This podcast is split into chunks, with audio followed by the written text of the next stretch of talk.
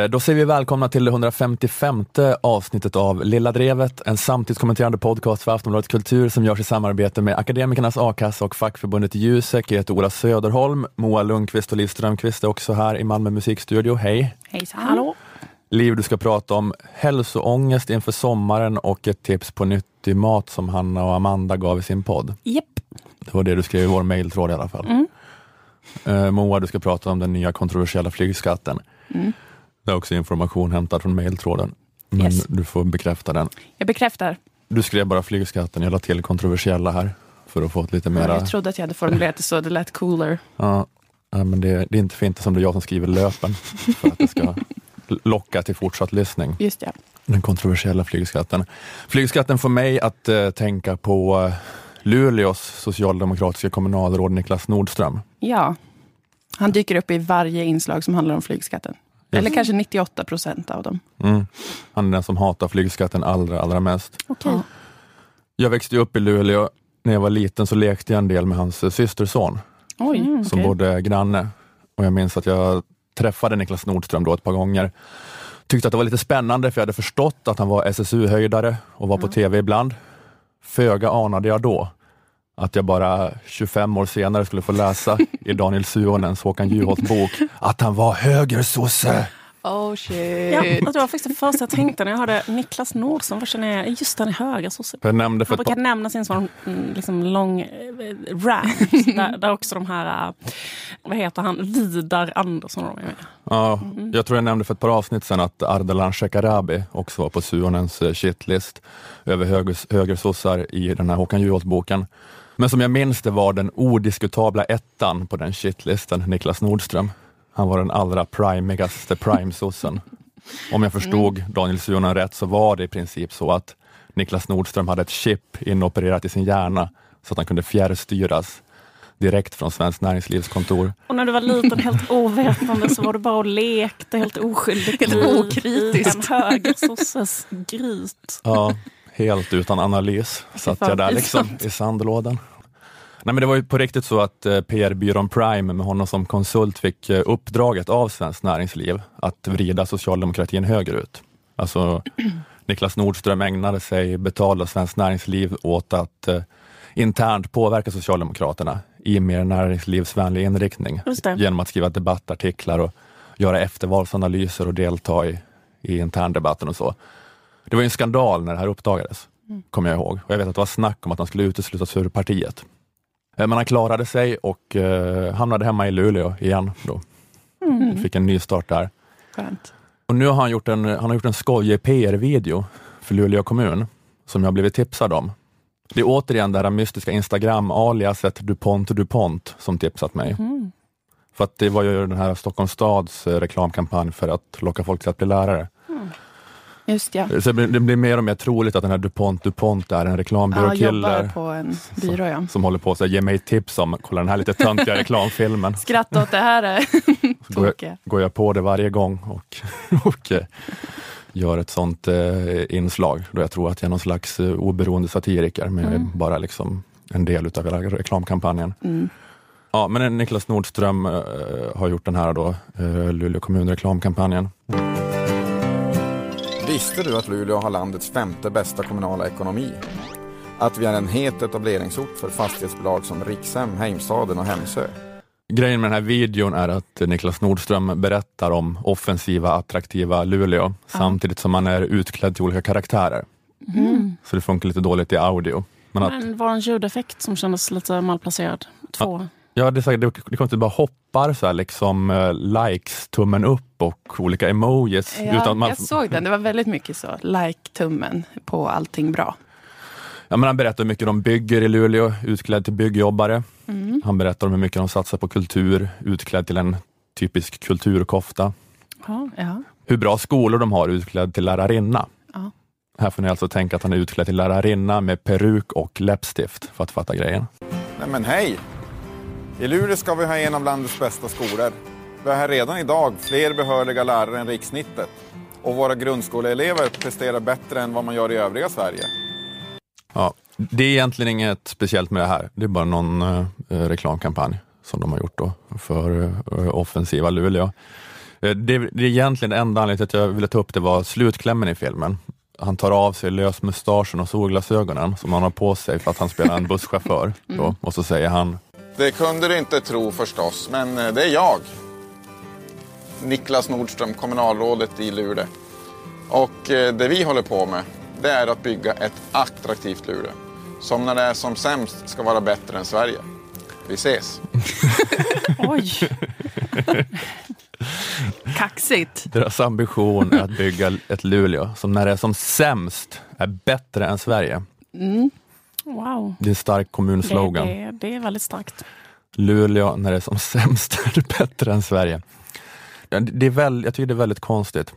Är det dels kanske då ett övertydligt exempel på att eh, konkurrenskraft har ersatt solidaritet som Socialdemokraternas främsta slagord. men det är, mm, ja, men det, jag inte, det kanske var så jag minns min uppväxt i Luleå. Att det här är väl inte så bra. Det i alla fall bättre än Sverige. Har du varit och kollat på Facebook-grejen? Serverhallen eller vad det är? Nej, de har ju byggts sedan jag eh, flyttade ifrån, så jag missade det. Synd. Menar du att det är bättre än Sverige? Vad är det för något? Serverhall? Jag tror det. Det är i alla fall Facebook på något vis. Det är därför det är likes-tumme hela tiden också. Ja, tror jag, ja, i videon. just det. För det är så här, oh, vi har Facebook. Tror att det är en serverhall, men jag vet inte hur det funkar med data. Ja, men, jag inte ja, men, det, men det är något sånt, det är Luleås stora succé de senaste åren. Att man Ja. lyckas locka dit Facebook Precis. och ha stora serverhallar. Okej, okej. Men i alla fall, jag, eh, jag tror att det kan ha varit så. Mina, mina vaga minnen av Luleå, att det här är nog, det är inte så bra, men det är i alla fall bättre än Sverige. Som sagt, jag flyttade ifrån när jag var 19 och jag tror fram till dess hade det inte hänt en enda grej i mitt liv. Nej. Så jag har liksom inget minne egentligen utav Luleå. Men det var så, jag, jag, jag satt på mitt pojkrum och lyssnade på skatepunk. Jag kollade på kodad porr. Jag tänkte, det här är inte så bra. Men det är i alla fall bättre än Sverige. Luleå.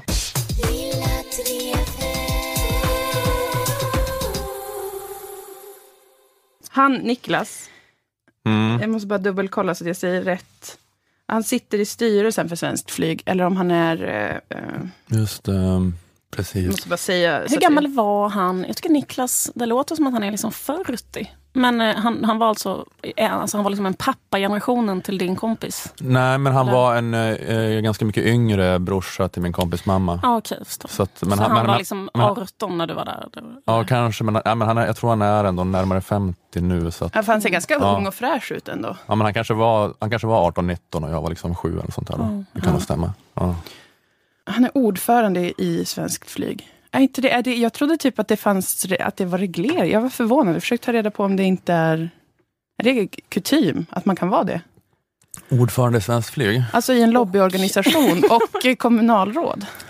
Ja, Det är det helt fritt, det är inte reglerat med kommunalpolitiker, eller?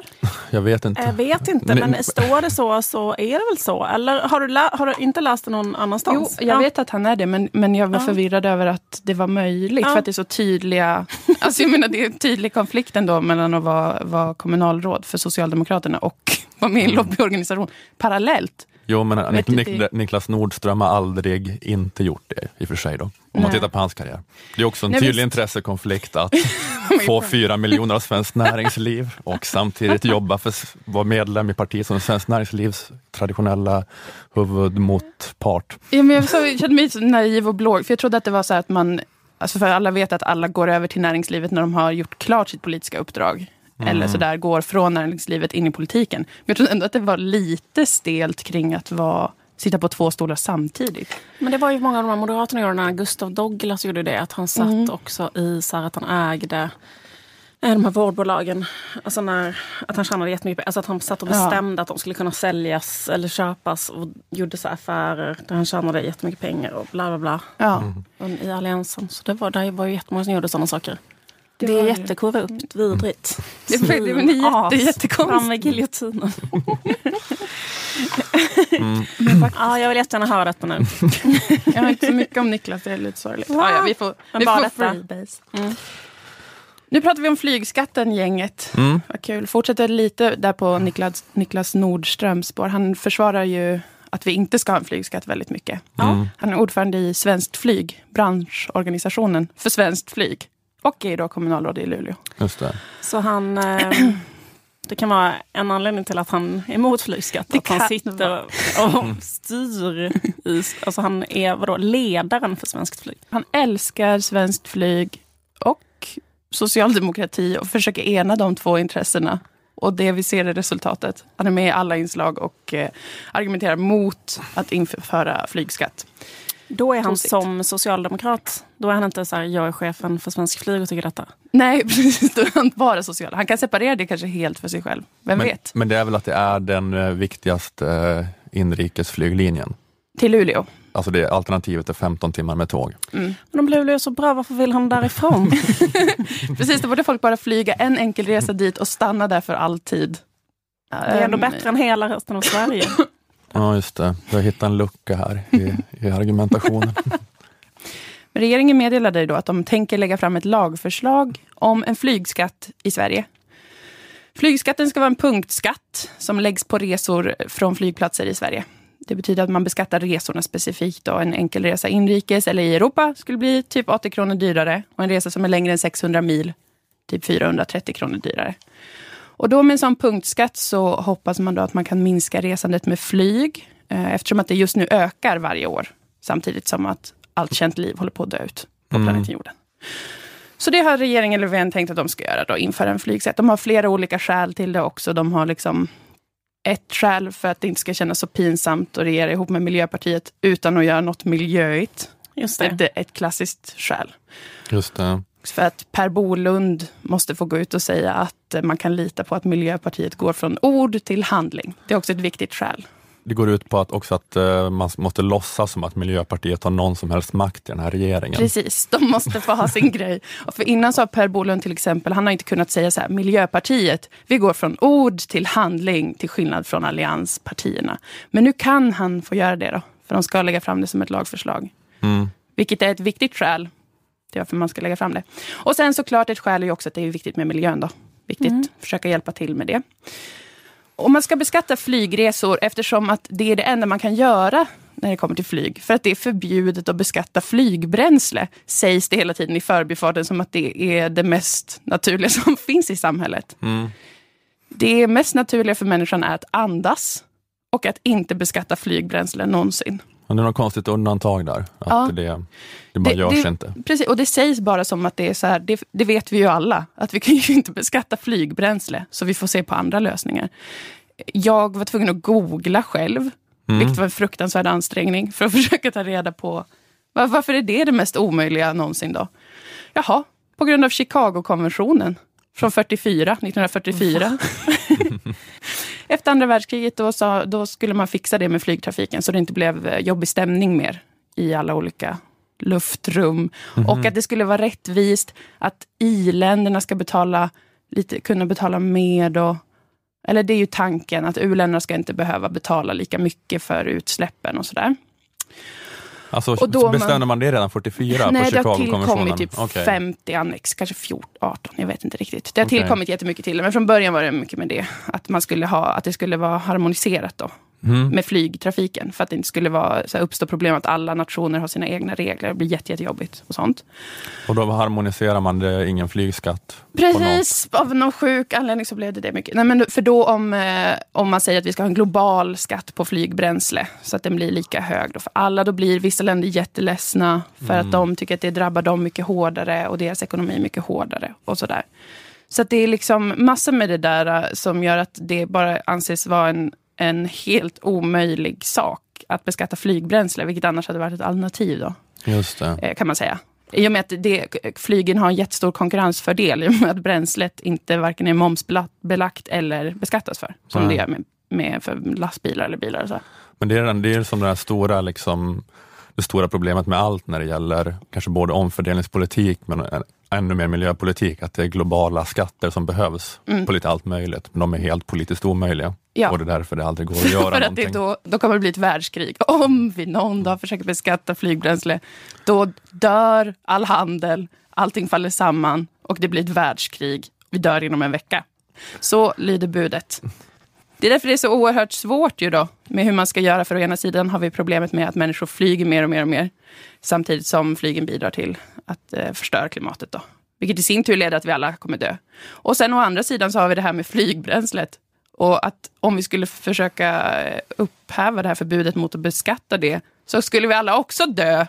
Fast kanske i ett kärnvapenkrig vad jag förstår det som. Mm. Jävla tricky situation måste man säga. Så då är det som finns kvar, det håller på med då punktskatter. Så här nationella skatter för flygresor. Det lät lite tycker jag, att det bara skulle kosta 80 kronor mer. Jag vet, jag tycker också det låter väldigt lite. Fast ehm, Alltså, enligt alltså, är experter det- så är det jätte, jätte, jättemycket. Eller enligt kampanjen, Okej. ett slag i luften. att, eh, jag måste säga att jag själv, alltså många går till mig själv och tänker att jag, det kommer nog inte liksom, till exempel skulle inte göra att jag flög mindre. Eller? Nej. Om man, man tänker inte så här, ska jag spara 80 spänn då åka tåg till eh, Paris. Nej, Eller? Nej jag, jag kommer tänker inte man heller slösa det. upp i eh, bistron på tåget efter en kvart. Ja. Men är det något kanske att man eh, får in de här skatteintäkterna och sen kan man använda dem till någon slags miljöarbete eller bla bla bla? Att man Nej, kan alltså- tolka det så? När jag läste på kampanjsidan Ett slag i luften som är svenskt flyg, eh, vad heter de, SAS och Norwegian och alla de här, tror jag, i alla fall alla som älskar flyg jättemycket. De var så, de sa att det, det kanske inte låter mycket men det är jättemycket. Det, är argument. det, det, det, det låter inte mycket. Men då kanske man måste lägga ner en flygplats, en liten stackars, stackars flygplats som inte har råd då, tydligen. Mhm. Det är i alla fall ganska mycket enligt, enligt dem då. Enligt Ja. dem. Mm. Mm, det, jag har inte riktigt, eh, de har inte satt in det riktigt i ett sammanhang. Jag förstår att det kan vara så extremt mycket. Nej, Men det är enligt dem väldigt, väldigt, väldigt mycket. precis. Du har, du har tagit del av ena sidans eh, hårt vinklade propaganda och eh, det är mycket i alla fall. Det är Säger de. jätte, jättemycket. De, det finns väldigt många argument mot eh, flygskatt, mot den här typen av flygskatt från just alltså fl- svenskt flyg såklart, men också då vdarna för SAS och Norwegian och Bra flyg har gått ut eh, och sagt att de är kränkta. Och även fler människor är ledsna. Per Gudmundsson på SvD, han skriver citat. Utrikesresorna förväntas minska med ungefär 2% Det innebär ungefär 250 000 resor. Utrikesresorna är svåra, i många fall omöjliga att ersätta med andra transportsätt. Möten som aldrig blir av. Kontakter som aldrig knyts. Äventyr som aldrig upplevs. Så oerhört sorgligt. Alltså på, på ledarsidor och sådär så är det, det finns många som är väldigt sorgsna över det här. Eller tycker att det är liksom ett jävla hån i princip. Mycket med det här då med att, att regeringen vill få oss att inte resa och inte möta varandra. Och inte vara på äventyr. Och det är tråkigt. Den debatten blir så märklig sådär att ja, men då kommer vi ju resa mindre Mm. om ni gör så här.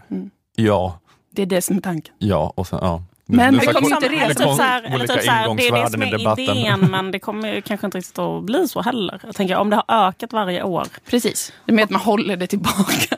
Känns det som. Eller minska med 2 procent låter inte så jävla mycket heller. Eller det är mycket siffror som slängs omkring. Jag orkar inte riktigt förstå varje siffra. Men 2 procent. Men jag kan inte förstå den människan som inte... Alltså, eller jag, jag tycker det är jätte... Det- men Men, det, då- var, men det var liksom lite mer, det var typ att det skulle kosta kanske 2000 mer om man skulle åka till Thailand. typ. Eller? Ja, Läste för han, per Gudmundsson skrev att för en barnfamilj, alltså fyra personer som ska på solsemester i Mm. Aha. Thailand, då, Då blir det det- 1700 kronor mer Ja, då, okej. tur och retur ungefär. Vilket är ju, Mm. ja, det är ju 1700 kronor. Ja. Det är ju en del Ja, men pengar. då tar man det på fyra pers. Ja, Ja. precis. Mm, ja, men jag tycker inte att de ska åka till Thailand. Nej. Eh, så, men, men, det, det borde vara förbjudet. Men, eh, men, ja, men man, man kan ju förstå att det är någon så här irritation från andra sidan för att det är så himla det är så himla futtigt. Alltså, om man liksom ser på vad som behöver göras i klimatfrågan Mm. så är det så här att ja, men det här är bara att ni irriterar oss lite grann. Ni ger oss ett litet nålstick. Mm. Det, det, det kommer hur som helst inte att lösa något, så kan vi inte bara fortsätta bara blunda och köra istället. Precis, för det är faktiskt ett av de, de främsta argumenten som jag har läst också. Det är så här, den här, den här skatten kommer inte göra någon direkt skillnad för miljön. Nej. Så kan vi inte bara inte göra någonting istället. Om det ändå kommer bli så himla liten skillnad. Eh, globalt sett kommer det inte märkas någonting av det här eller sådär. Det är till 99,9 procent samma sak som att göra ingenting. Så varför kan vi inte bara göra ingenting? Men det är också att motsidan är, pratar väldigt mycket om detta då med att norra Sverige inte kommer klara sig. Och att, de, eh, att Sverige är beroende av inrikesflyg för det är så glesbefolkat och så långt land och sådär. Att eh, ingen kommer vilja starta sitt företag i Luleå då, eller Umeå. Man kan ju förstå den kompromissen att man skulle väl nästan säga bara, kan man inte totalförbjuda Stockholm, Göteborg, Malmö-flyget? De kommer ju bygga Mm. snabbare tåg där snart och sen bara tillåta Gotland och Luleå. Skulle kunna, men de hade tittat på det i den här utredningen nu och sagt att de bedömer att det kommer inte vara så. Men det är ju en utredning, jag vet inte, jag vet inte exakt hur de har räknat ut det.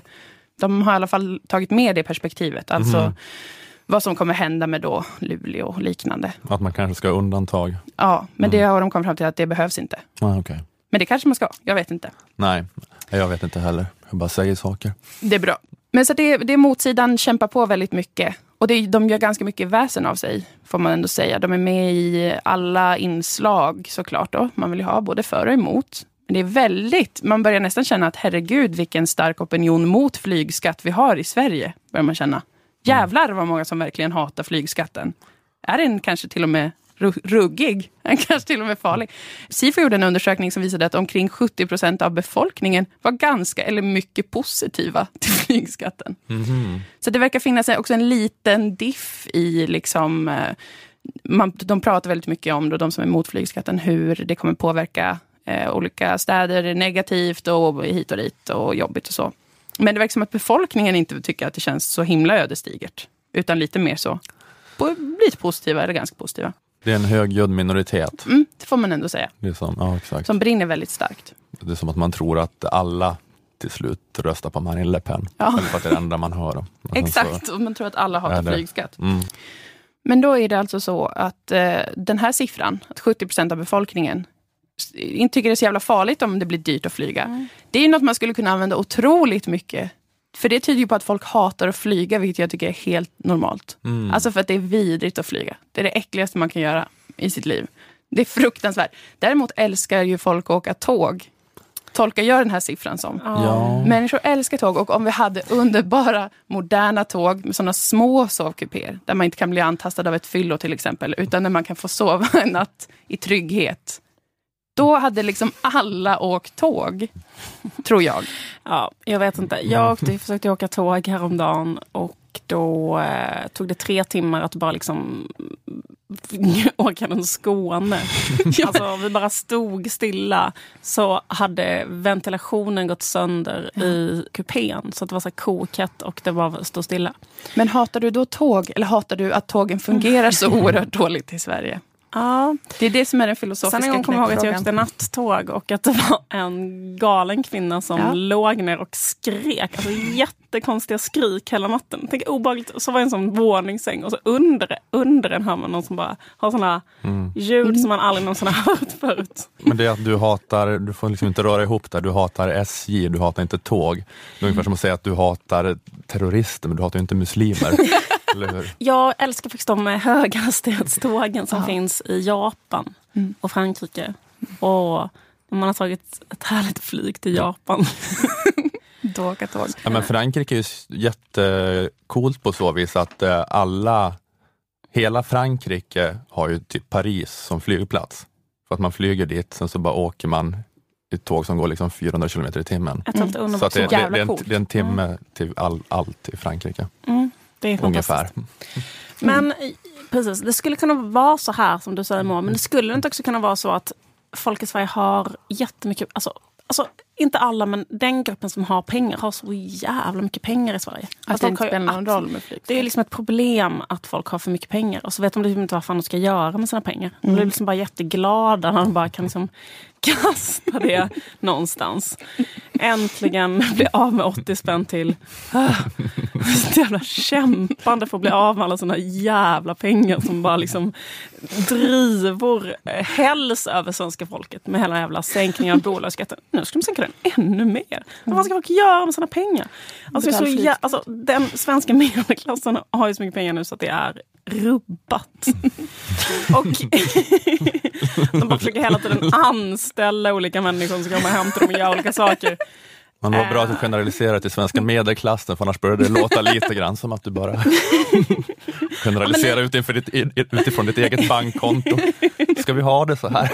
Ska alla, all, varför har alla men det så här? Vet, men ni vet mycket vilka jag pengar. menar när Ja. ni är i Stockholm och ni bara tittar på vad fan har folk på sig? Vad rullar de omkring med för barnvagnar? De har all, de, de, det, det, blir, det blir ju liksom ett jobb för konsumtionen. Liksom. Det, det, blir, det är jobbigt att hålla uppe den jävla konsumtionen. Det är liksom som ett åtta timmars kneg att hålla på och köpa alla de där jävla grejerna. Så jag tror bara folk... Liksom, Att de är glada, att 70 procent är lyckliga jag tror de blir skitglada. De människorna som flyger, det är ju människor som har så mycket pengar, eller hur? Det är ju inte folk som bor i någon De eh, ju inte, förort, eller hur? Utan det är ju svenska medelklass som håller på att åka hela tiden till Thailand. De har ett... eh, Jag faktiskt, jag har ju själv varit i Thailand och jag kan berätta exakt vilka människor som är där. Det är sådana människor som har ett eh, sånt tomtebo-gymnasium eh, och är rektor för det. Och det sköter sig själv och så sitter de där i sex månader om året. Jag, jag driver gymnasiet Tomtebobarnen säger de typ. och sitter de och plaskar. Ja, men det, låter, det låter som en, en, en tes. och de kommer liksom bara tycka att det är mer värt att flyga till Thailand nu ifall man får, möj, möjlighet, ifall man får Ja, möjlighet att göra av med lite mer pengar. Ja, exakt. Det kommer liksom lätta den jävla pressen de har att försöka bli av med sina sjuka summor. Som, Jag har en mer positiv bild av att människor, alla människor älskar att åka tåg. Alltså vi föds med längtan efter att åka tåg. Okej. Och sen tvingar samhället oss att flyga för att det är billigare än att åka tåg. Jag åkte till, från Malmö till Narvik åkte jag tåg. 31 timmar i sträck. Bäst jag aldrig mått så bra i hela mitt liv. Oj vad skönt det var. Det var så himla härligt. Hade jag flygt hade jag säkert jag har haft dödsångest. Någon har spillt kaffe på mig. Det är turbulens. Vi är högt upp. När som helst kan vi dö. Och så vidare. och Så vidare och så vidare. Så att jag, om, om jag bara har alternativet tåg och det kostar 200 kronor mindre än flyget. Alla gånger. Jag tror det är väldigt bra med tåg. Jag tror att vi alla älskar dem. Men sen är det ju det att de i Sverige väldigt ofta kostar mer än att flyga. Till exempel. Eh, och Vänsterpartiet hade ett förslag i höstas om att pengarna som man får in via flygskatten ska gå till billigare eh, tågbiljetter och upprustade järnvägar och så vidare. Men eftersom att det inte är Vänsterpartiets time to shine, utan det är Miljöpartiet nu, så har jag inte hört något mer om det. Eh, de, det försvann lite. Just och det är jag väldigt ledsen över, för jag vill att alla pengar i hela samhället ska gå till tåg. Att vi ska ha såna vakuumtåg, som man åker från Malmö till Umeå, fem minuter, kostar 20 kronor. Ja, för det blir ju en annan sak eh, att, eh, att om det är så. För, menar, för det finns ett motargument mot de här 31 timmarna till Narvik, att vissa människor har riktiga jobb och livspussel och så. Att de inte jobbar med att åka till Norge på valsafari och sen göra en podd om det. Beskyll mig inte för att mitt jobb är att åka på valsafari i Narvik. Jag har kämpat mig för att ta dit. Jag tycker också att de ska vara så här vakuumtåg. Ja, jag Eh, Men jag tycker inuti ska de vara liksom ändå typ mahogny Ja. och guld. Typ. Ja. Och sen så här, såna, kanske såna spegeldörrar mellan. Absolut. Eh, och sen att personalen, att det ska finnas jättestora restaurangvagnar Ja. där de ska ha så här, fluga och väst. Ja, De det låter helt underbart. Och vita dukar, karaffer Ja. eh, och... Eh, Men tänk om det var så, då skulle ska vara- ingen flyga. Så som där Darjeeling Unlimited eller vad den heter, Ja. den där Wes Alla Anderson-filmen människor älskar om den i- filmen. indiska tåg. För de älskar tåg. ehm, Alla älskar att åka Transsibiriska järnvägen för att det är tåg och det är gulligt inrett. Men det är också för att liksom, de har förstört tågen i Sverige genom att göra Ja. så här, eh, en sån jättevidrig bistro. Eh, Ja. Men alla andra liksom, människor med lite värdighet eh, har ju kvar en, en, liksom, en ordentlig vagn man kan sitta och Ja. äta och så. Och jag slänger in det här. Ett, ett gym på tåget för alla sådana entreprenörer som ska åka och jobba någonstans. Det tar fem timmar. Men gå på gymmet, starta en hel grej kring det. Ja, men jag hinner träna på vägen till jobbet. Men förr i tiden fanns ju barn, eh, också så här bollhav. Men Och vad fan bio. dem? Bio på tåg kommer jag ihåg. Ja, alltså ni hör ju. Ta tillbaka det. Ta tillbaka allt det. Och liksom jävlar vad det, det ska vara som en, ett rullande underbart hotell som är det vackraste någon har sett. Och ändå kostar 300 kronor för att ta Man sig kanske ska kunna 200 mil. bo på ett tåg. Det kan vara ett sätt att lösa bostadsbristen också. Att det, Det bara rullar tåg hela tiden som man, som man aldrig lämnar egentligen. Ja, det finns så mycket att göra med det. Till skillnad från de äckliga, vidriga flygplanen, äckliga dödsmaskiner. Usch, bort med dem. Hotelltåg. Mm. Ja, men det tycker jag i alla fall är lösningen. Så bara tystar man hela flygbranschen. Alltså man bara ignorerar dem. Man bara tar pengar från dem. Och ignorerar inte, håller på att ge dem all uppmärksamhet. För de blir också så glada av att få synas hela tiden. Mm. Håller på att pågå, pågå. De är jättelyckliga nu. Men hoppas jag får se en debatt mellan dig och Niklas Nordström. då du jag berättar om den här andliga upplevelsen av att åka 31 timmar till Narvik och han pratar om tillväxtpotential i Luleå.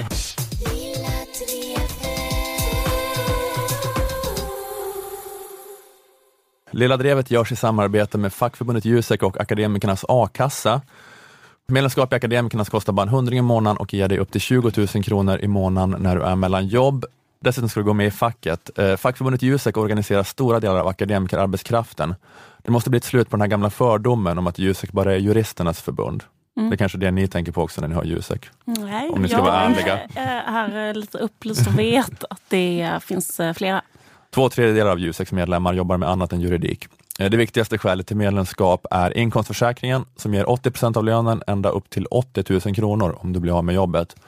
Men det finns även andra skäl som att Jusek ger dig tillgång till Sveriges bästa lönestatistik som är ovärderlig vid löneförhandling. Dessutom erbjuder Jusek karriärtjänster vilket kan innefatta hjälp med jobbansökningar och CV och LinkedIn-profilskrivande. Juseks ombudsmän ger såklart också förhandlingshjälp i frågor om löner och arbetsvillkor och frågor om arbetslivet i allmänhet. Att vara med i Akademikernas och Jusek kostar 351 kronor sammanlagt, så du lägger alltså bara till 251 kronor om du redan är a-kassemedlem. Jusek har just nu också kampanjen Vi vet, som handlar om att Jusek är fackförbundet för samhällsvetare, ekonomer, kommunikatörer och för dig som jobbar som personalvetare eller systemvetare. Eftersom att Jusek jobbar för några få yrkesgrupper har de också kunskapen om din specifika yrkesroll och är med dig genom hela din karriär. Och Det kan vara en fördel jämfört med vissa av de största fackförbunden som har massvis av yrkesgrupper som trängs under paraplyet. Eh, Jusek har då sex stycken. Eh, så det är vi vet. Jusek vet vad just du behöver. Så tillhör du någon av de här sex yrkesgrupperna jag nämnde kan du ansöka om medlemskap i Jusek. Just nu får du också ett riktigt bra erbjudande om du går in på kampanjsidan jusek.se vi vet. Extra bra tillfälle att gå med just nu. Vi säger inte vad det är, du måste gå in och kolla.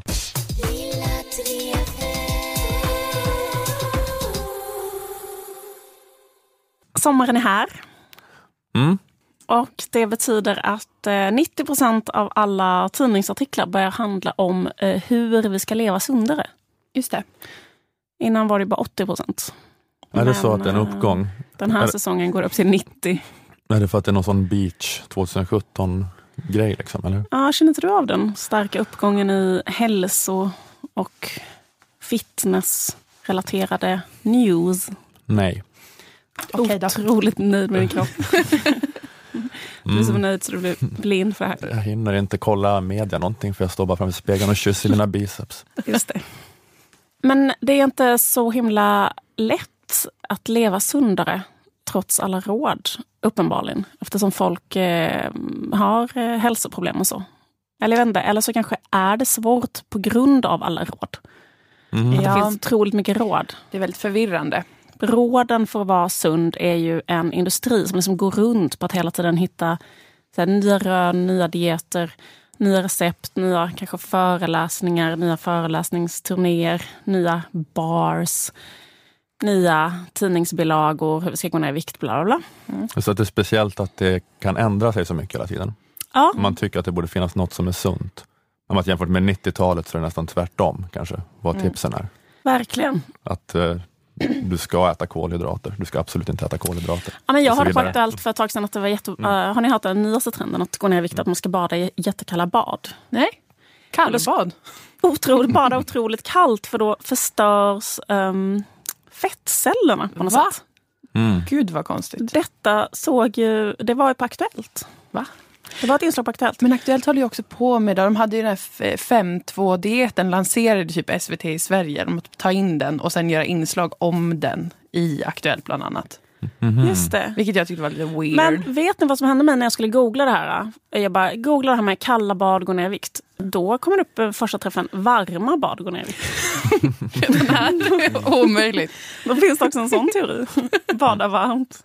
Ja. Man får bara gå mellan två badkar, ett som är jättevarmt ett som är jättekallt och sen äter man ingenting under hela den tiden. Men det är väldigt, eh, alltså också just det med, med hela kolhydrat och fettgrejen. Alltså att det är så, så jag minns 90-talet då. Att, att alla höll på med light och fett är jättefarligt. Ja, och nu är det socker. Och, ja, Eller olika kolhydrater. men, ja, precis. men nu är det då att Katrin Zytomierska ska liksom bara stå och skriker om fett. Man ska Mm. bara äta fett. Eh, nej, men ät lite lagom av varje och rör på dig då och då. Eh, kanske inte skulle räcka att säga. Man skulle kunna säga det en gång på tv var tionde år kanske. och fylla behovet. Men vad skulle då hända med Fredrik Pauluns müsli-imperium? skulle falla skulle så. störtas i gruset. Jag ser hans så förvirrade blick. När ingen köper hans supermüsli. Varit fruktansvärt mörkt. Fredrik Paulus sitter och gråter och kastar müsli. Mitt livsverk. En hög med förstörd müsli. Så skulle det bli fruktansvärt sorgligt. Eh, Så därför måste vi då liksom medborgare som någon slags medborgerlig uppoffring för att gynna Sveriges eh, tillväxtekonomi. Då måste vi leva i den här liksom hysteriska in industrin av hälsoinformation. Eh, Och det kan vi ju absolut, eller inte, det kan vi väl göra för fosterlandet. Men det kan ju också vara svårt och förvirrande för oss individer som eh, måste ta in allt det här. Jag kan illustrera det här med en tidningsartikel som eh, publicerades i Expressen den 3 oktober 2006. det här är en av mina all time favorittidningsartiklar någonsin. Därför jag kommer ihåg den så otroligt väl. Den är 11 år gammal. Jag kan nästan recitera den ur minnet. nu ska jag läsa den för er. Rubriken lyder Malou von Sivers gick upp i vikt av GI. Det räcker. Det är redan kul. Helt omöjligt att inte komma ihåg, elva år senare. jag, jag fattar inte riktigt. TV4-profilen Malou von Sivers 53 kände sig aningen... Ja, just det. Nej, jag- För hon var 53 då. Ja, förlåt. Jag, jag skulle Exakt. protestera mot att det här inte stämde. Citat från artikeln. TV4-profilen Malou von Sivers 53 kände sig aningen för stabbig och beslöt sig för att gå ner i vikt med GI-metoden. Jag ville bli av med 3-4 kilo och började med GI-metoden för att hitta ett bättre sätt att äta och leva. Istället gick jag upp några kilo i vikt. Say hello to a new era of mental health care.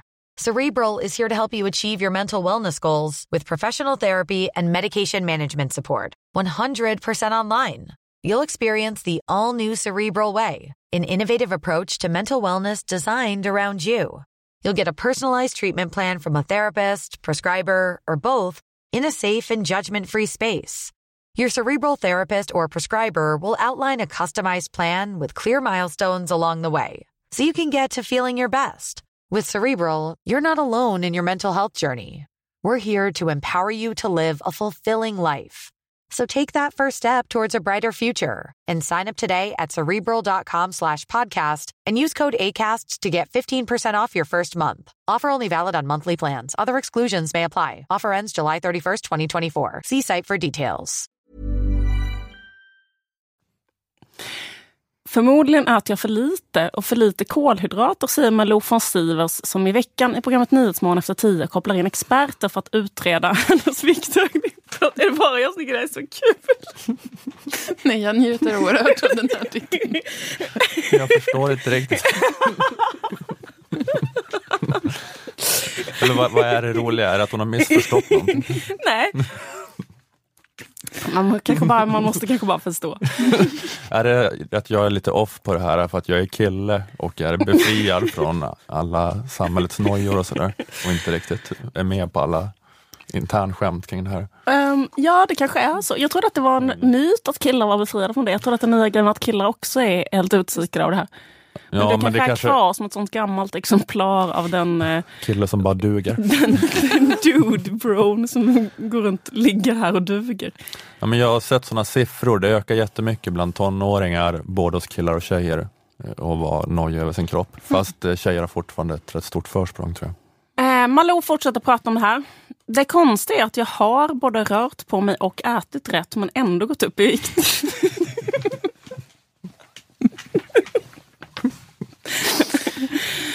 Ehm, Istället för att leva ett vanligt liv blir man helt fokuserad på vad man äter. Jag har drabbats av kolhydratskräck. Bananen och potatisen blev till ett hot. Hon går med så jätteförhöjda stressnivåer dag ut och dag in. Slutar sova, jättemycket kortisol eller vad heter. Går upp 14 kilo. Och får så här Ångesten. sjuka ångesttankar av en så enkel sak som en banan.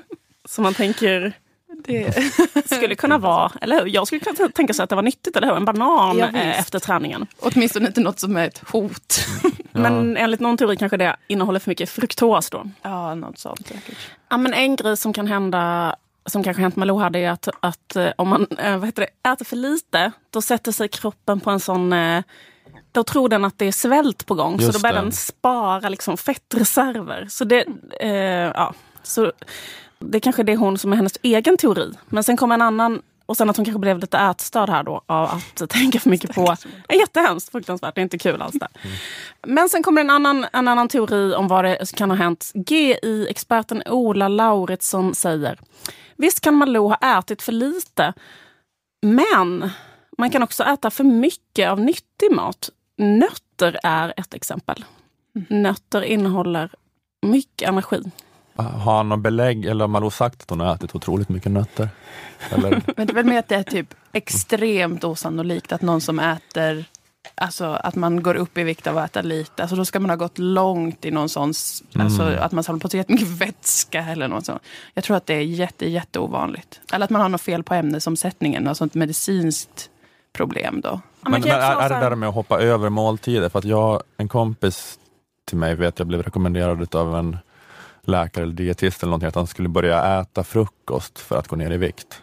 För att han åt inte frukost. Han bara gick upp och kanske drack en kaffe och sen så var han så här superhungrig när det var lunch och då var hans kropp i svältmode. Och då Ja, satte, sig, då satte sig lunchen som fett, antar jag, för att kroppen var i svältmode.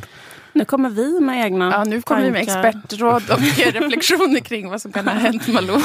Men jag Det är väldigt eh, svårt. tänker mig att det är ett exempel på utpsykningen av eh, den här hälsoindustrin, att man får så mycket information. Man Ja. kanske blir besatt av olika som blir nyttig mat. Så man tänker så här, bla, bla, bla, jag ska äta nötter, avokado, bla bla bla. Kanske man äter, bara äter eh, kilovis av nötter för man tänker på det hela tiden. Det är supertjockt. Ja, det är väldigt är det såna Så- hetsiga tips alltid i Precis. alla olika dieter. Folk blir så sönderstressade och känner inte av sin egen mättnad.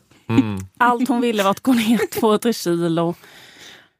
Hur som helst, min poäng var bara att det är svårt. Jättesvårt. Eh, att vara nyttig och sund. Svårt att veta vad som är rätt och lätt att bli förvirrad.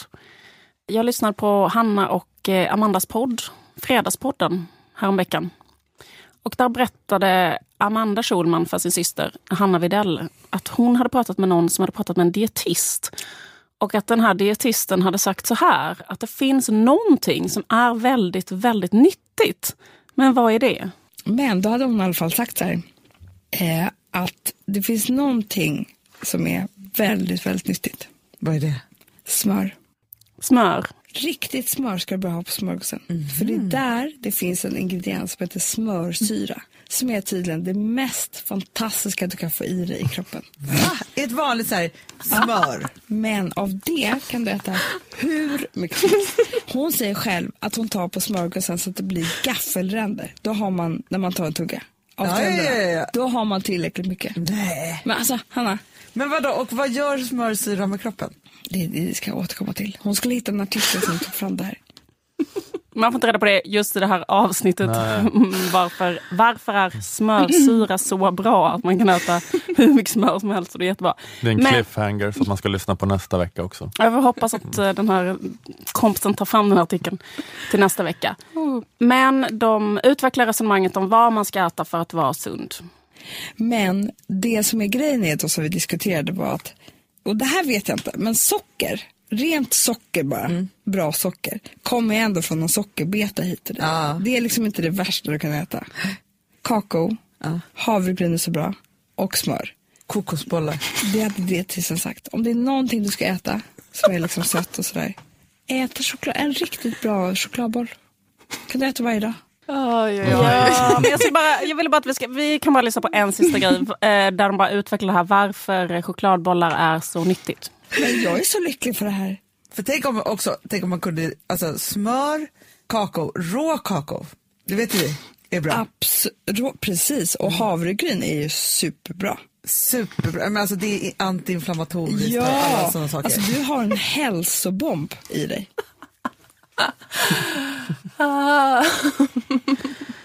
Ja.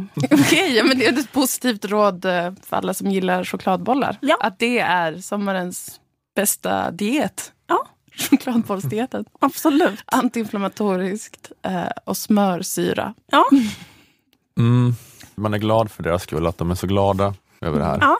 Men sen kanske det också känns lite som en lite osund fixering på något sätt också. Då. Jag tror, jag tror absolut att det är bra att äta en chokladboll om dagen för att det är så trevligt. Det kan räcka med att säga det. Att det är rätt trevligt att äta något gott till kaffet. Det kan ju förhöja livet och vara att allt känns lite mer härligt. Men det. eh, Ja, det, det- men jag kan inte behöva, det kan inte vara för att det är antiinflammatoriskt. Nej, att det, det är liksom eh, att- att man, måste, att man gör det till en del utav det här hela projektet, att bli en supermänniska, att äta chokladbollar. Fast den kanske det adderar någonting, att man äter det och känner att liksom, nu blir också min kropp bättre. Mm. Och det gör att man liksom blir ännu, att det blir en ännu större hälsoeffekt. För det är också en placebo. Men det är väl det, som är, det, är, det är väl det de är, då, att de är liksom handels, hand, handlar i placebo, eller hur? det var det som var med deras vitaminpiller också. Ja, att de bara har skapat en sån eh, nästan sektstämning, att det är som någon slags eh, livets ord gudstjänst till varenda grej, varenda Kakao. produkt, liksom kakao, smörsyra. Och så man börjar, typ ta, man börjar tala i tungor man- när man tänker på det. Ja, precis. Och så blir, mår folk så himla himla bra.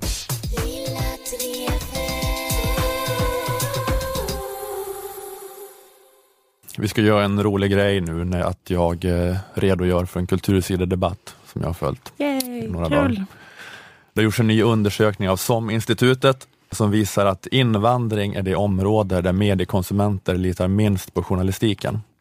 Just det. Bevakning av invandring och problem relaterade till invandring stack ut som området med absolut lägst förtroende. Eh, Jan Helin, tidigare chefredaktör på Aftonbladet, nu programdirektör för SVT, skrev en text till DN om det här, om den här undersökningen, där han menade på att medierna bör besinna sig lite grann i alla fall i sin iver till självkritik. Han skriver citat, vad är det som förtigits om invandringen?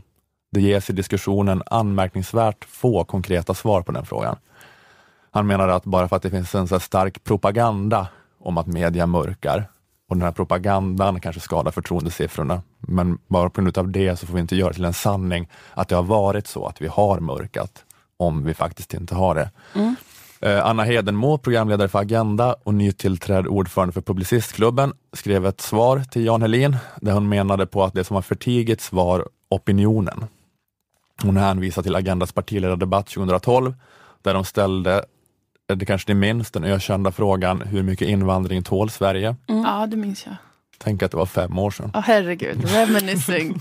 Oj, vad vi skämtade om Det det. är sjukt vad tiden går. Ah, Hur helvete. kan det vara? Fem år sedan? Ja, Obehagligt. det känns som det var igår. Eh, Anna Hedenmo skriver, eh, bakgrunden var att ett antal kommunalråd i invandrartäta städer hade slagit larm. Varken bostäder eller arbetstillfällen räckte till för alla nya invånare och skolorna tampades med otillräckliga resurser. Vi visste att vår formulering var känslig. Invandring och flyktingmottagande diskuterades visserligen ofta även 2012, men det fanns en väldigt tydlig men outtalad regel. Den som i den offentliga debatten lyfte frågan om invandringens storlek var snabbt ute i kylan. Eh, Och hon skriver då att de blev hudflängda för det här. Eh, Hon skriver Aftonbladets ledarsida buntade ihop agendan med främlingsfientliga krafter. Dagens Arena skrev att en i grunden rasistisk fråga har inga antirasistiska svar. Och DNs chefredaktör Peter Wolodarski kritiserade Agendas försåtliga fråga. Slutcitat. Eh, Anna Hedenmos inlägg här, det är nog det som var startskottet på, på stormen Okej. i den mån det har varit en storm. Jag generaliserar utifrån mina flöden här. För mig var det en storm. Oj, oj, oj, vilken storm det var. Nej, men eh, det, där, hennes, inlägg, eh, hennes eh, debattinlägg genererade många ilskna snedstreck hånfulla reaktioner. Eh, Fredrik Virtanen eh, skrev häromdagen en text på Aftonbladet Ledare med rubriken Hur mycket Anna Hedenmo tål Sverige. Kom det skämtet tillbaka då? Hur mycket bla bla bla tar Sverige? Mm. För det var ju jävligt inne i 2000-talet. Den skämtstrukturen, ja precis. Eh, It's back. Ja, men han, Virtanen och, och också i andra texter som jag har läst om det här så raljeras det om hur fjantig Anna Hedenmo är, som menar att stora starka journalister och mediehus låter sig tystas av några röda och liberala ledare och kulturskribenter. Jaha, så styr lilla vi på Aftonbladets ledarsida hela Sveriges politik.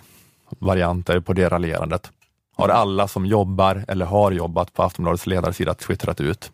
Och tro mig när jag säger att jag följer alla dessa människor på Twitter. jag tror dig, eftersom du är utmattad över dina flöden. Ja.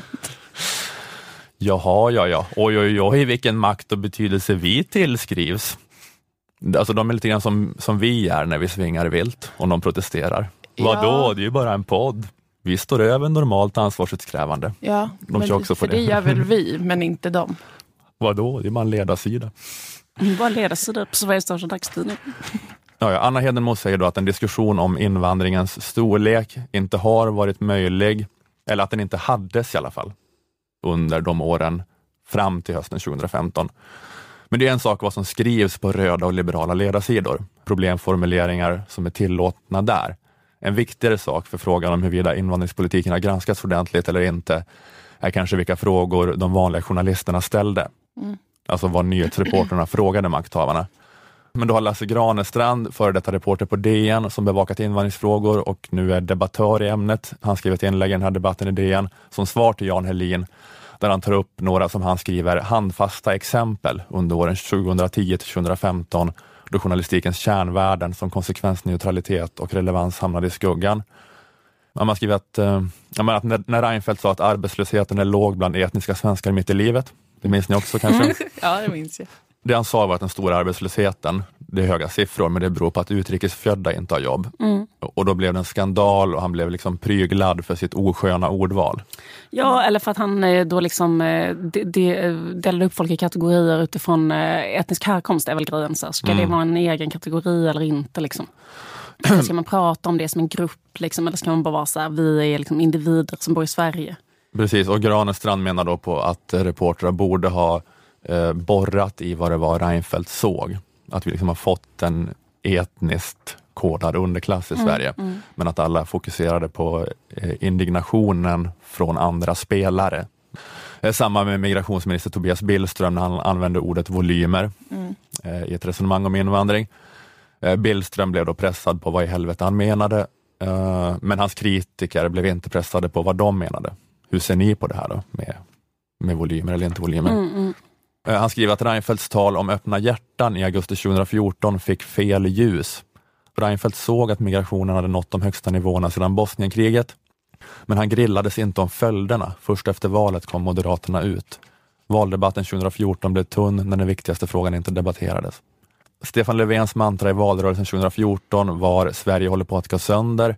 Han blev sällan pressad på vilka grupper det är som glider isär, vilka de fattiga och arbetslösa till stor del är, den etniska dimensionen i klassamhället. Eh, sen budgetdebatten till exempel hösten 2014, tiotals miljarder i kostnadsökningar för migration gick så gott som spårlöst förbi. Kan jämföras med hur en ökning av försvarsanslagen på 2 miljarder per år under fem år fick mycket stor uppmärksamhet eh, av journalisterna. Åldersbedömningar av ensamkommande barn, en fråga som hade betydelse i lokala opinioner, kanske för SDs tillväxt och definitivt för statens budget eftersom att det är så mycket dyrare att ta hand om asylsökande barn. Under fem år och två regeringar var frågan blockerad. Reportrar kunde ha grävt, eh, skriver han. Förlåt att jag bara så långt citat här. Eh, han, skriver, han skriver vidare om varför det blev så här. Att eh, mediernas hållning var naturligtvis ingen konspiration utan en olycklig kombination av olika faktorer. En viktig ram var den överenskommelse alliansregeringen och Miljöpartiet gjorde om migrationspolitiken i mars 2011. Den skapade en åsiktsgemenskap över blockgränsen och de politiska journalisterna hittade få politiker som talade sig varma för den reglerade invandringen eller såg någon målkonflikt i att ge papperslösa ökade rättigheter eller som satte den markant ökade invandringen under åren 2012-2013 och framåt i relation till statsfinanserna eller välfärdssystemens hela utformning. Mixen att vilja det goda, inte gynna SD, kärlek till politiskt spel och till drev utan eftertanke, svårighet att distansera sig när det fanns konsensus över blockgränsen och en hel del reportrars isolering från de problem som ett klassamhälle med etniska förtecken innebär ledde fel. Slutcitat. Men han tar upp här då massa målkonflikter som är relaterade till invandringens storlek, som han då menar blev undergranskade. Mm. Men eh, Jan Helin lyfter då, eh, ja, men lite som jag var inne på, att han lyfter fram att vi, att vi måste förstå det låga förtroendet mot bakgrund av att eh, det existerar den här auktoritetstroende, etablissemangsföraktande, populistiska politiska retoriken som säger att media mörkar och därmed skadar mediernas förtroende. Eh, Virtanen skriver också om det, att det låga förtroendet har att göra med, med en politisk strategi. Så deras utgångspunkt är att anledningen till att folk är kritiska mot mediernas rapportering om invandringen är att de är vilseförda av högerpropagandister snarare än att de liksom på riktigt har upplevelser av att verkligheten inte har skildrats öppet. Och, Just det. det. Det är ju liksom en... eh, Ja, men konflikten står väl mellan det. Så är det att det är den där floran av eh, eh, allt eh, right media som liksom parallell... Vad heter det? Det har väl också att göra med internets liksom framväxt. Att de parallellrapporterar hela tiden eh, om eh, händelser med vinkeln att det är invandringens fel. Just Sen det. att den medien har blivit så stor. Är det det att det är så jävla många som tar del av det och eh, liksom bara har den vinkeln Mm. som gör att de blir misstänksamma mot vanlig media? Eller är det, eh, eller är det att det fanns materiella problem med, eller jag menar att det finns en Ja, men det- materiell verklighet som inte har diskuterats ordentligt? Ja, det är väl det som är konflikten, eller? Ja, alltså, ja precis, det är väl sant det Jan Elin säger att det där finns, men det är också, väldigt, det är också sant att det finns en materiell verklighet. Alltså att det har ju varit, det har ju ändå varit liksom en demografisk eh, revolution eller vad man ska säga. Alltså jag menar, det, det är liksom att eh, det är som att det är lite en kognitiv dissonans i den här frågan, för det som har hänt är ju att Sverige har på typ en generation, eller kanske 50 år, och sånt, gått från att vara en av de mest homogena nationalstaterna till att nu är en sjättedel av befolkningen utlandsfödd. Och det är exceptionellt i en jämförelse, internationellt och historiskt, att det är en större andel utrikesfödda än vad USA hade under sina rekordnivåer på 1890-talet. Och då finns det liksom en del av befolkningen som tycker att man borde haft en diskussion om det här.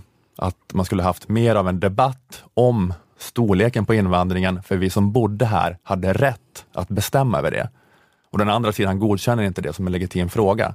För att få migrera, det är en mänsklig rättighet som utgår från individen. Alltså att, att diskutera invandringen utifrån premissen att vi har mer rätt till det här landet än de som inte är svenska medborgare. För det är ju det som är den inneboende värderingen i Agendas fråga. Hur mycket invandring tål Sverige? Och att göra den värderingen är rasistiskt, alltså antyder Virtanen i sin text. Eh, Lars Ohly sa det rakt ut i Godmorgon Sveriges panel häromdagen. Hon var ju den som ställde den här äh, famösa frågan i Agenda, hur mycket invandring tål Sverige och fick oerhört ja. mycket kritik mot det. Och hon är ju fast i att försvara det. Hon är fortfarande där. Hon tror ju att det är det som är den viktiga frågan, att försvara att man faktiskt ställer en rasistisk fråga i tv. Och hon har fel. Men så invandringens volym alltså blir på det här viset en icke-fråga. Alltså för, det är liksom, för det är bara en massa individer som valt att utnyttja sin mänskliga rättighet. Och om det uppstår nya situationer och problem för att de har gjort det valet, så, eller liksom varit tvungna att göra det valet, så är det, då, då är det bara vår skyldighet att finna oss i det. Men det är som att, jag vet inte, det, det, det är bara sån himla det är sån konstig smärtpunkt på det här. Att det är som att det finns två ideal som de moderna demokratiska nationalstaterna är uppbyggda kring. Att det är dels mänskliga rättigheter som är globala, gäller alla människor, utgår från individen. Men sen är det också medborgarskapet. Rättigheter knutna till medborgarskapet. Och de här två går inte ihop. Utan de måste så här, samexistera på något vis för att staten och samhällskontraktet varken ska gå under eller bli barbariskt. Alltså det måste göras någon slags avvägning mellan dem. Och eh, att jag fattar att man vill vidare till något annat, att man vill drömma om en postnationell värld utan gränser. Liksom hur, man, så här, hur man har tänkt att det ska se ut då, vet man inte, men att man ändå vill vidare mot det, att det, man har en dröm om det. Men det, här, det kan ju inte vara public service-journalisters uppgift att bara ha de här internationalistiska MR-perspektivet, utan de måste väl också ge röst åt målkonflikten och åt medborgarskapspatriotismen också. Och därmed ställa frågan, hur mycket invandring tål Sverige? I och för sig, det är en plumpt formulerad fråga. på ett sätt. Det kan jag hålla med om. För att svaret på frågan, hur mycket invandring tål Sverige, är ju, alltså även ur det här medborgarperspektivet så är ju svaret på frågan oändligt mycket, fast på sikt. Alltså, det är bara frågan om hur fort det kan gå. Jag menar att en medborgarskapspatriot eh, skiter ju fullständigt i om eh, ifall det över tid blir så att svenskar i genomsnitt har en mycket djupare färgton och att det finns fler moskéer och andra maträtter när det är högtid. Det handlar ju inte om att bevara Sverige svenskt, utan om att bevara Sverige som en plats där det finns då tillit och trygghet och frihet för en stor grupp människor. Alltså för vissa, men inte för alla. Vissa har väl också den...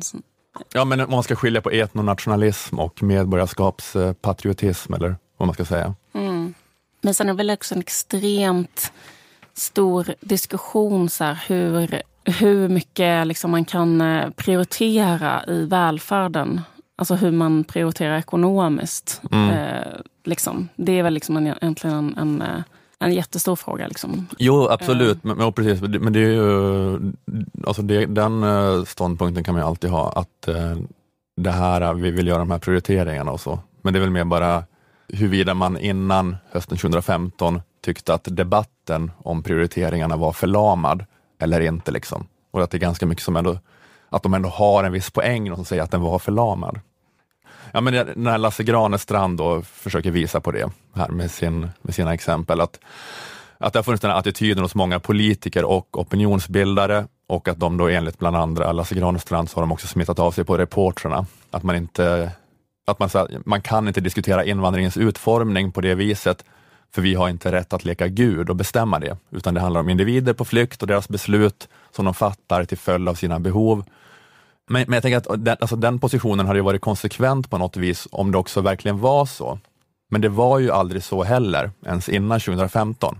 Alltså det var aldrig, som Alice Teodorescu sa, när hon debatterade det här med Jan Helin igår, igår måndag, när vi spelar in i Aktuellt. Det intressanta är varför det dröjde till eh, hösten 2015 när det kom 163 000 människor till Sverige innan vi fick en diskussion om huruvida vi kan ha en gränslös migration till Sverige eller inte. Ja, det var ju aldrig, aldrig en gränslös invandring. Nej. Alltså det var, den var ju relativt sett då kanske mest eh, liberal, eller vad man säger, i EU. Men den kunde ju ha varit mer gränslös. Eller den kunde ha varit helt gränslös. Men det jag menar är att om, om frågeställningen, hur ska vi genom politiska styrmedel påverka vilka som har möjlighet att komma hit? Eh, om den frågeställningen är i grunden rasistisk, så var det ju ett rasistiskt resonerande som låg bakom politiken som fördes innan 2015 också.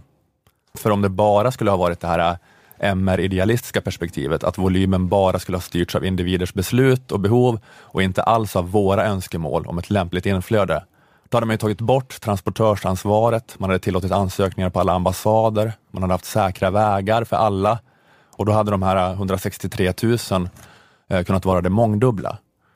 Eh, men så var det inte. Alltså man skulle aldrig ha tillåtit säkra vägar, för det hade blivit en för stor volym då.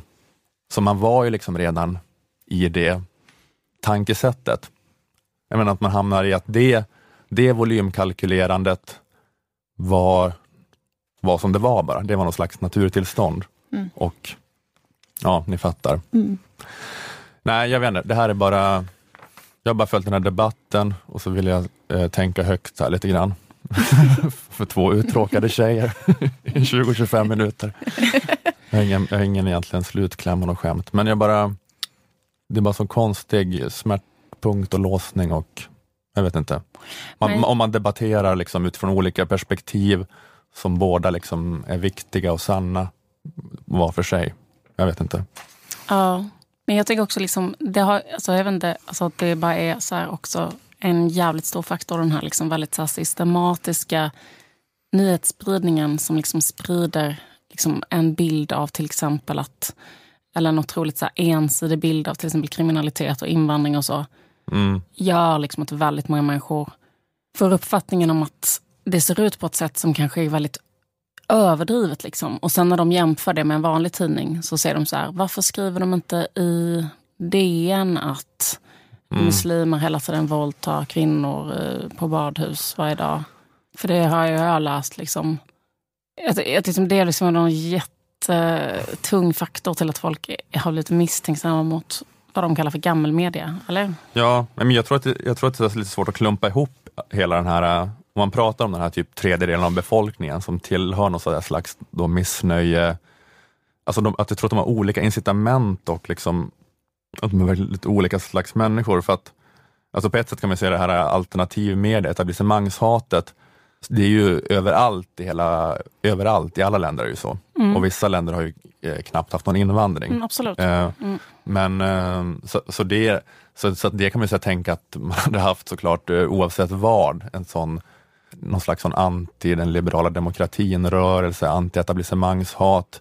Men i Sverige finns ju den här då liksom specifika situationen också med invandringen, som det också då finns människor som har velat diskutera, som kanske liksom inte alls är eh, SD på något vis och så vidare. Och att, jag vet inte, att det är så bara svårt, man klumpar ihop tror jag, väldigt många olika människor med olika liksom, eh, ingångar, som att det är någon så här, det där är någon slags klump utav alt-right avpixlat. Eh. Det blev något halabaloo med de här när SVT granskade de här Facebookgrupperna. Mm. Eh, för stöd svenska polisen och rädda vården. Just det. Det blev ju ett jävla hålligång. Mm. För att det var ju en sån... Nu, nu är SVT efter oss som vill ta till oss nyheter om det här på ett sånt här sätt och så vidare. Det blev ju en jävligt stor hetsig eh, diskussion i de grupperna.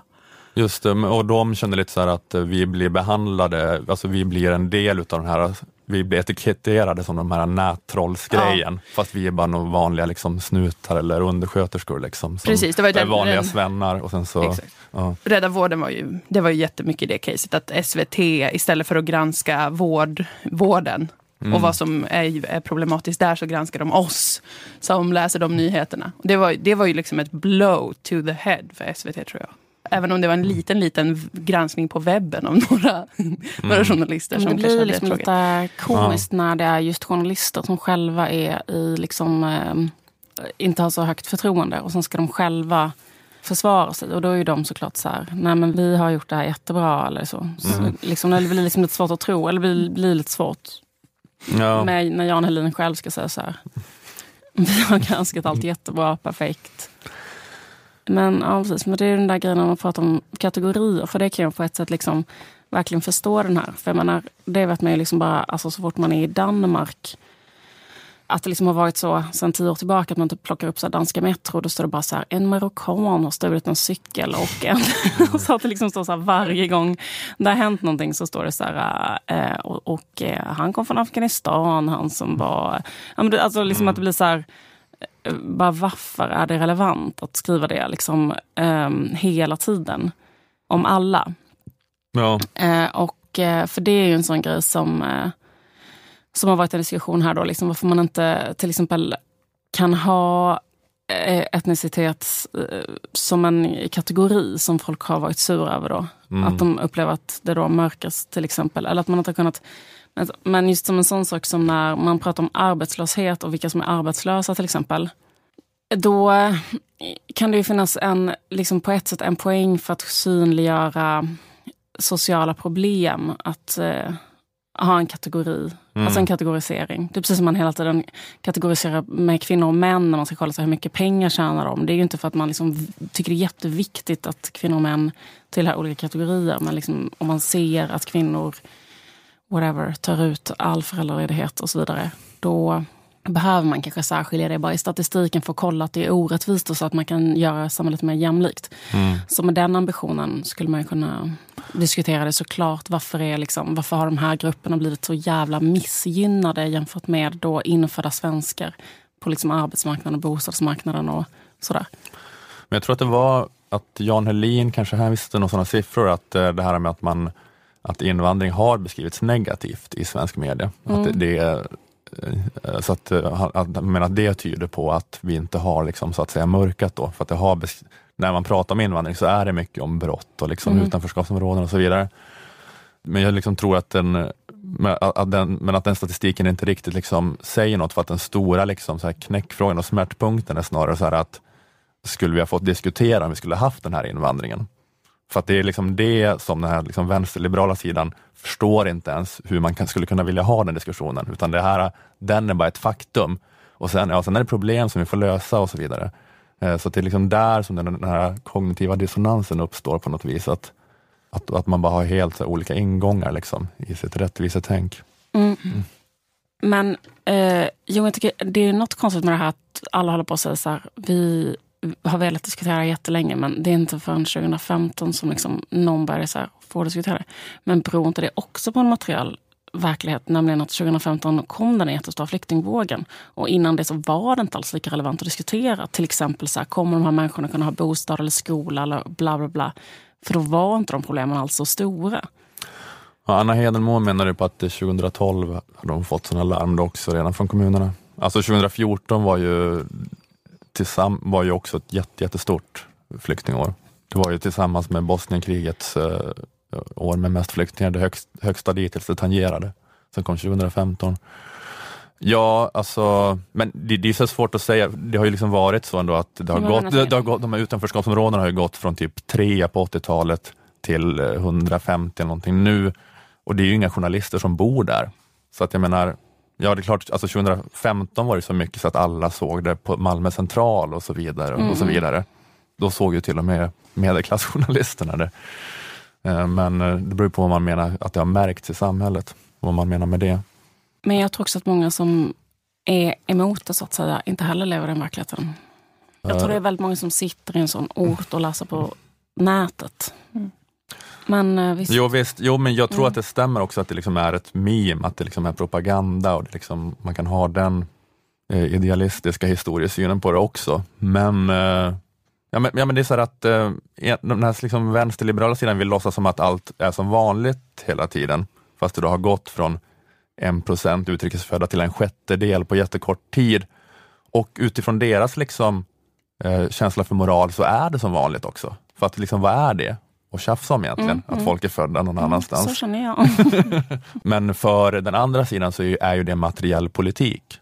För att de tycker liksom att det här är en politisk fråga och vi har skyldighet mot oss själva och mot medborgarna i första hand. Och det är det som blir den här, ja jag vet inte, kognitiva dissonansen, som jag, det uttrycket jag använder. Inte helt säker på ifall jag använder det rätt. Det är team Gall och team- team Tan. Ja, det är väl lite det. Alltså, som alla kommer förstå varandra. Mm. Ja, men det är som den här, eh, det sägs ju det att eh, Tann förstår Gall, men Gall förstår inte Tann. För att eh, alltså Gall bryr sig bara om att man inte ska skada andra människor och att det ska vara rättvist. Men medan Tann bryr sig också om in-group loyalty, att man ska take care of our own och man ska värna det som är heligt. Men de bryr sig också såklart om rättvisa och inte skada andra människor. Fast det är inte lika mycket som Team Gall, men också ändå ganska mycket. Så det är det, att det finns den liksom i eh, höger-vänster, i gall-tann-bemärkelse, så förstår högern vänstern mycket mer än vad vänstern förstår högern. Och har liksom, så högerpolitiker har något slags försprång på så vis. Alltså de talar till befolkningens alla moraliska foundations, människors alla fem moraliska grunder, medan gall talar bara, gallmänniskor talar bara till två utav dem. Vilka är de fem? Det är då eh, typ eh, inte skada, rättvisa, sen är det liksom eh, eh, ja, det där in-group loyalty, liksom lojalitet med sin grupp. Sen är det respekt för auktoritet och respekt för det som är heligt. Ja, just det, för det är de tre sista struntar jag exempel. Ja. Och ja, men du tycker inte att det har med moral att göra? Nej, Så absolut så, inte. så, så, Jag så, så, tycker sådana in som, group loyalty, det tycker jag är omoraliskt. så, sådana som tycker att det har med moral att göra. Varför är, det, varför är det en moralkriterium att vara in group loyal? Ja, att det, är, väl- att det är väl bara ett sätt eh, att, du- jag vet inte, att det är en, en sätt att kunna bygga bra samhällen och kunna samarbeta i stora grupper och skapa ett samhällskontrakt. Ett socialdemokratiskt samhällskontrakt med ambitioner. Jag vet inte, skulle man kanske kunna säga som Mm, motargument. mm. Ja, men det är den här synen på nationalstaten då, om man tror att det är att det bara är in-group loyalty, vars typ logiska slutstation är Auschwitz. Eller om man ser att nationalstat, alternativet nationalstaten är inte någon slags postnationell värld där alla är jämlika, utan att alternativet till nationalstaten är klansamhälle, där familjen liksom är den minsta enheten och nationalstaten är egentligen förutsättningen för individuell frihet och liksom eh, demokrati och så vidare. Just det, om man inte upprätthåller Ja. liksom det svenska välfärdssamhället, eh, bla bla bla, så kommer det att kollapsa och då kommer man inte kunna upprätthålla de värderingarna någonstans. Mm, att det, ja. Mm. Okej, Okej, skitsamma. vi,